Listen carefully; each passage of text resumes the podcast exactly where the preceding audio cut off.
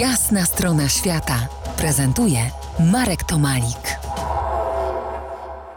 Gościem jasnej strony świata Daniel Petryczkiewicz, podróżnik lokalny, leśnik, ale taki nieumundurowany. Opowiedz y, ze swojej perspektywy, ze swoich wypadów do lasu, y, co on ci daje, bo skoro aktywnie działasz, piszesz, to las musi dawać coś więcej niż chwilowe zadowolenie, odprężenie, które przynosi kilkudziesięciominutowy spacer. Jest oczywiście, są oczywiście takie, takie elementy proste, jak trochę odprężenia, ciszy, posłuchania, nie wiem, ptaków, posłuchania innego rodzaju ciszy, która nie jest absolutna, tylko która jest wypełniona harmonijnymi dźwiękami.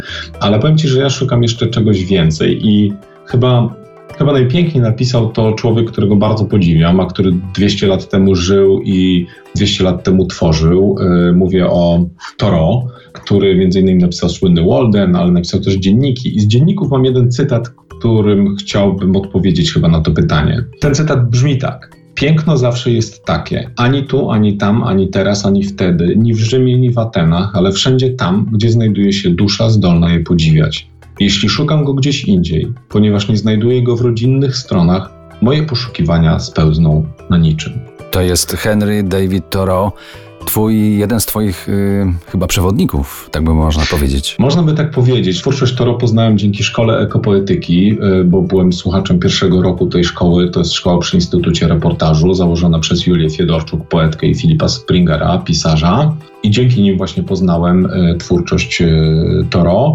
I muszę przyznać, że bardzo lubię myśleć o tym swoim fragmencie lasu i rozlewisku jako takim symbolicznym Waldenie. Walden to był staw, nad którym Toro w ramach eksperymentu pewnego spędził rok we własnoręcznie wybudowanej przez siebie chacie i opisał to w książce, która nazywa się Walden i która fascynująca jest nie tylko ze względu na różne przemyślenia, które tam są, ale też fascynująca ze względu na swoją formę, która jest bardzo podporządkowana upływowi czasu i rytmowi przyrody.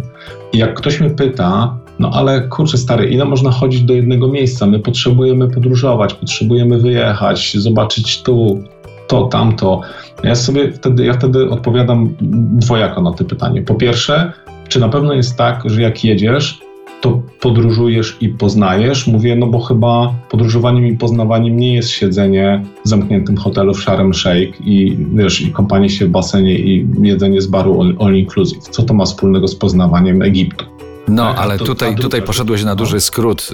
Y, to nie jest, żebym bronił y, tego Sharm Shake. Akurat ja tam byłem, tylko jeszcze w czasie, kiedy, y, kiedy spało, no, się tam, spało się tam na deskach, to znaczy nawet tak. nie na deskach, tylko, tylko na ziemi. I to zupełnie wyglądało inaczej, to było ze 30 lat temu. Natomiast rzeczywiście tak, będę bronił tych twoich lokalnych podróży tego, że jak wychylimy kawałek oko i, i, i, tylko po prostu y, włączymy uważność, bo to chyba na tym polega, to możemy znaleźć y, niedaleko od siebie bardzo, bardzo wiele. Niekoniecznie są do tego samoloty i niekoniecznie są podróże na drugi koniec świata, o czym spróbujemy Was jeszcze przekonać za kilkanaście minut. Y, zostańcie z nami. To jest jasna strona świata w RMS Classic.